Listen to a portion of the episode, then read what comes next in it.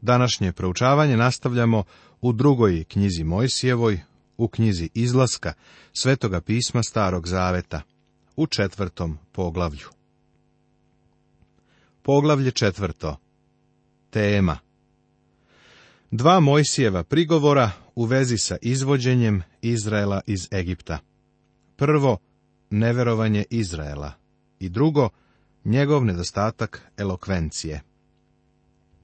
Bog sa dva znaka odgovara na Mojsijeve prigovore. Štapom, koji upotrebi silna Božja ruka, kojim će činiti čuda, i drugo, Mojsijevu gubavu ruku, koja predstavlja greh. Bog očišćava da bi pokazao svoju silu onima koji ga traže. Aron postaje Mojsijev glasnogovornik. Mojsije se vraća u Egipat i izraelskim starešinama objavljuje božji plan za njihovo oslobađanje. Napomena Ovo poglavlje nam govori o Mojsijevom povratku u Egipat i o čudesnom načinu na koji se Bog pozabavio njegovim strepnjama. Mojsije je u glavi imao mnogo pitanja i mnoge prepreke koje je morao da prebrodi ali Bog ima odgovor na svaku Mojsijevu primjedbu i zamerku. Mojsijevi prigovori upućeni početku oslobađanja Izraela.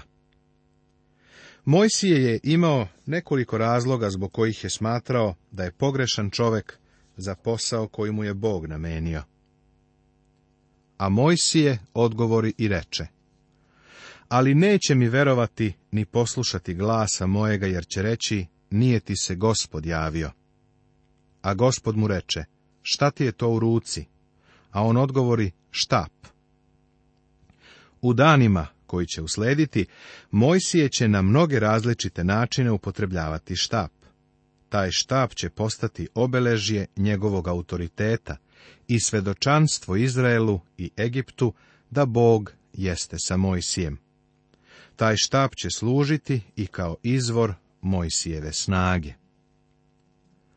A Bog mu reče, baci ga na zemlju.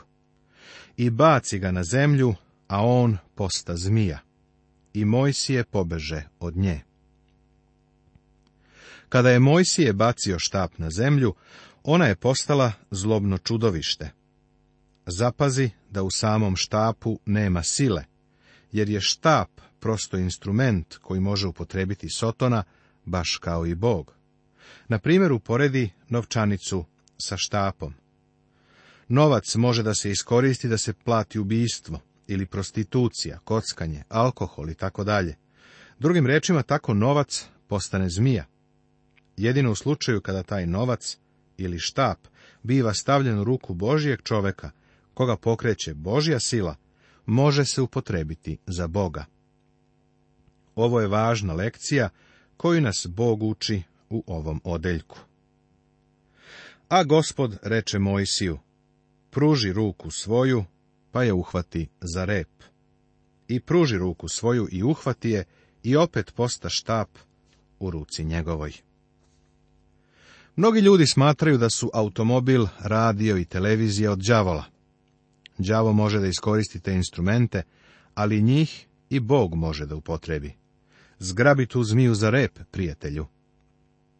Upotrebi svoj automobil da neku pobožnu osobu odvedeš u crkvu ili nekog nespasenog prijatelja da sluša kako se propoveda Božja reč. Podrži hrišćanski program na televiziji i radiju. Uradi svoj deo da bi medije učinio Božim instrumentom, a ne instrumentom đavola. Ti od njih činiš štap u Božjoj ruci. Bog je pozvao Mojsija da izbavi decu Izraelovu iz ropstva u Egiptu.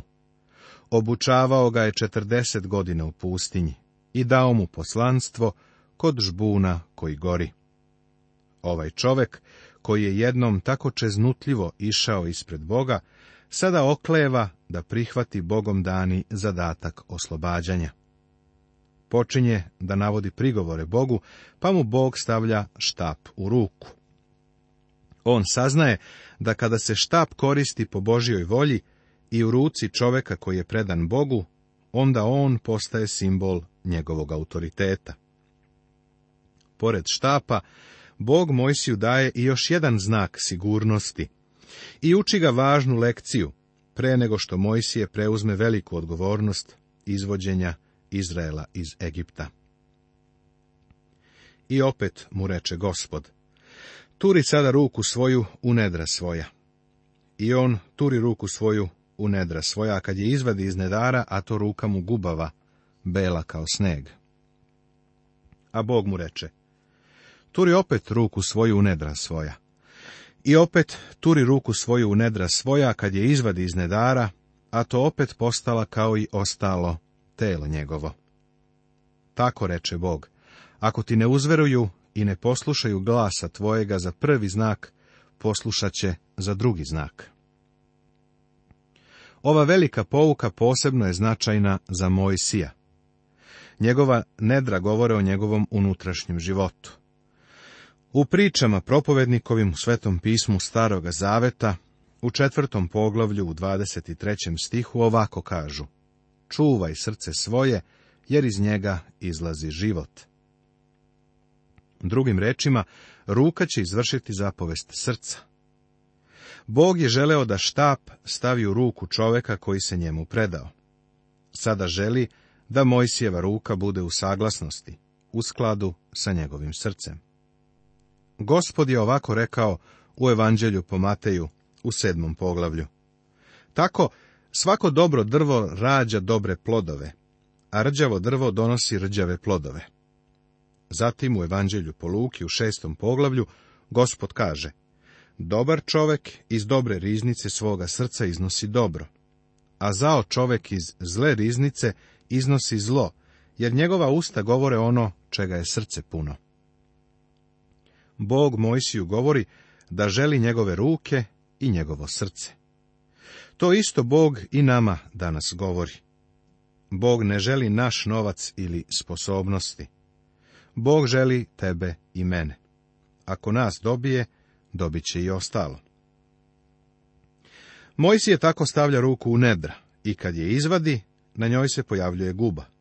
Ponovo stavlja ruku u nedra i ruka postaje čista. Iz tvog srca će izaći ono što ti stvarno jesi. Bog je želeo da taj štap bude u ruci čoveka koji je predat njemu.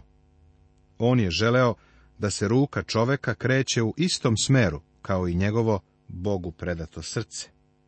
Ovo je velika lekcija za Mojsija, za Izraelce i za nas danas. A Mojsije reče gospodu, Molim ti se, gospode, nisam rečit čovek, niti sam pre bio, niti sam otkako si progovorio sa slugom svojim, nego sam sporih usta i spora jezika. Mojsije sada iznosi još jedan prigovor.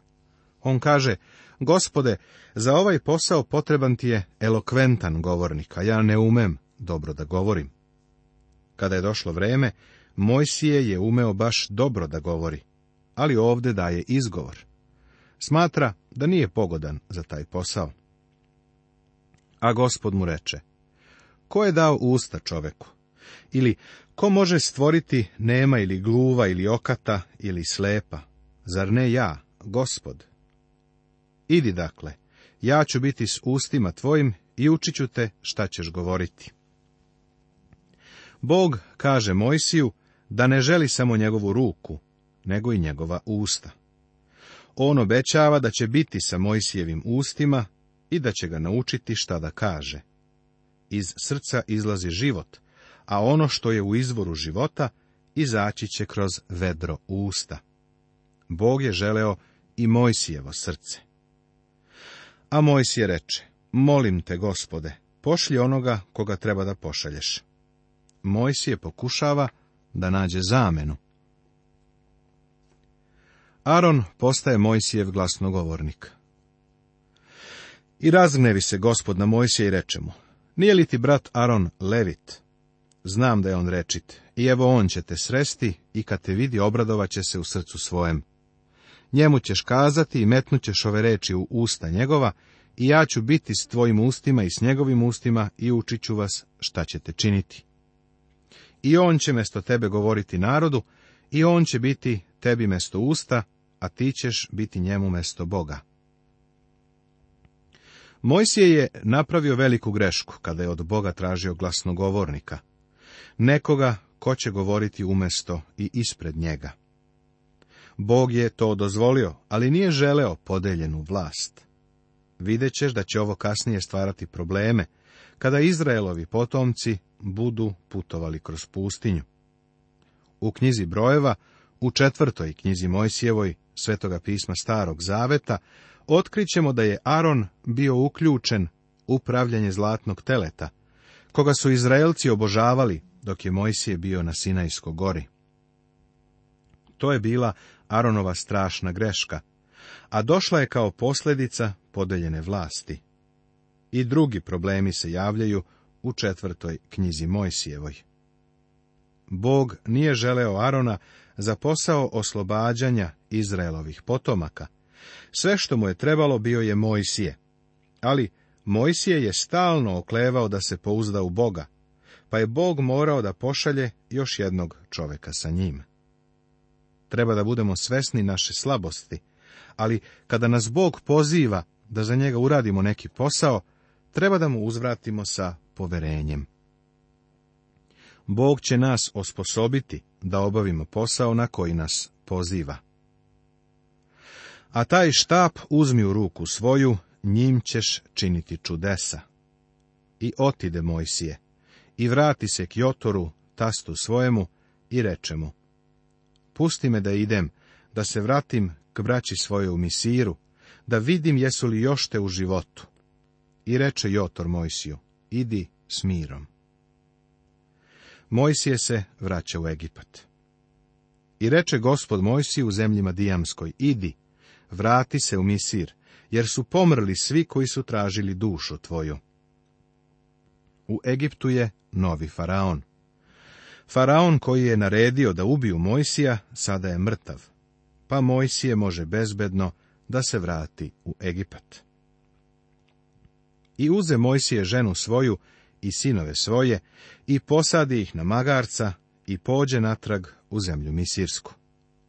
I uze Mojsije štap Božiju ruku svoju. I reče gospod Mojsiju, kad otideš i vratiš se u Misir, Gledaj da učiniš pred faraonom sva čudesa koja ti metnuh u ruku. I ja ću učiniti da mu otvrdne srce i ne pusti narod. Činjenica da Bog kaže da će otvrdnuti faraonovo srce je uvek predstavljala problem. Ovaj problem se ponovo pojavljuje kada dođemo do zala, pa ćemo ga tada detaljnije proučavati i doći do zadovoljavajućeg rešenja. A ti ćeš reći faraonu, Ovako kaže gospod, Izrael je sin moj, prvenac moj. Pojedinačne članove izraelskog naroda Bog nije nazivao svojim Božijim sinom, ali za narod u celini jeste rekao Izrael je sin moj, prvenac moj. I kazah ti, pusti sina mojega da mi posluži, a ti ga nehte pustiti. Evo ja ću ubiti sina tvojega, prvenca tvojega. Bog je bio vrlo trpeljiv u načinu ophođenja prema faraonu i egipćanima. Na početku sukoba on je rekao faraonu, ili pusti moga sina, ili ću ja tvoga sina ubiti. Bog je poslao mnoga zla, pre nego što je dirnuo u prvorođene u Egiptu. Dao je faraonu dovoljno vremena da upozna pravog i istinitog Boga i da pusti Izraelce, ali Faraon nije iskoristio mogućnost koja mu se pružila. I kad beše na putu u gostionici, dođe k njemu gospod i šćaše da ga ubije. Ovo je neobičan stih, ali otkriva treću zamerku upućenu Mojsiju. On je zanemario obrezanje svojih sinova. Obrezivanje je bilo znak ili pečat saveza koji je Bog načinio sa Avramom. Ako je Mojsije trebalo da objavljuje drugima Božiju volju i on je morao da bude poslušan Božijoj volji. Bog je silom morao da podsjeti Mojsija na njegovu neposlušnost. A Sefora uze oštar nož i obreza sina svojega, i okrejak baci k nogama njegovim govoreći, ti si mi krvav zaručnik. Tada ga ostavi gospod, a ona radi obrezanja reče, krvav zaručnik. Ovaj događaj je teško razumeti, pa moramo da se vratimo unazad da bismo istražili problem. Kada je Mojsije kao begunac napustio Egipat, otišao je u Madijan. Madijanci su bili Avramovi i Keturini potomci. Ovaj narod je bio monoteistički. Nisu bili idolopoklonici, nego su slavili jednoga boga. Mojsije se sa ovim narodom osjećao prisno, kao kod kuće. Mojsije je postao blizak prijatelj sa madijanskim sveštenikom, koji je imao sedam kćeri. Jedno od njih, Seforu, Mojsije je i oženio. Njeno ime zvuči kao savremena sprava za prišivanje dugmadi. U stvari, kao što smo već kazali, njeno ime znači vrabac ili mala ptica. Mojsijeva žena je bila prva bubamara. Bog je na početku blagoslovio Mojsijev dom, Njegov prvi sin Girsam, čije ime znači stranac, bio je rođen u Madijanu. Mojsije je bio stranac u toj zemlji, ali je tu sebi načinio dom. Međutim, u Mojsijevom braku je postojao problem. Pored žbuna koji gori, Bog je pozvao Mojsija i poslao ga u Egipat. Faraon je mrtav, pa je za Mojsija bezbedno da se vrati. Kada je Mojsije krenuo na put, Bog pokušava da ga ubije. Zašto? Mojsije je zanemario obred obrezivanja sina.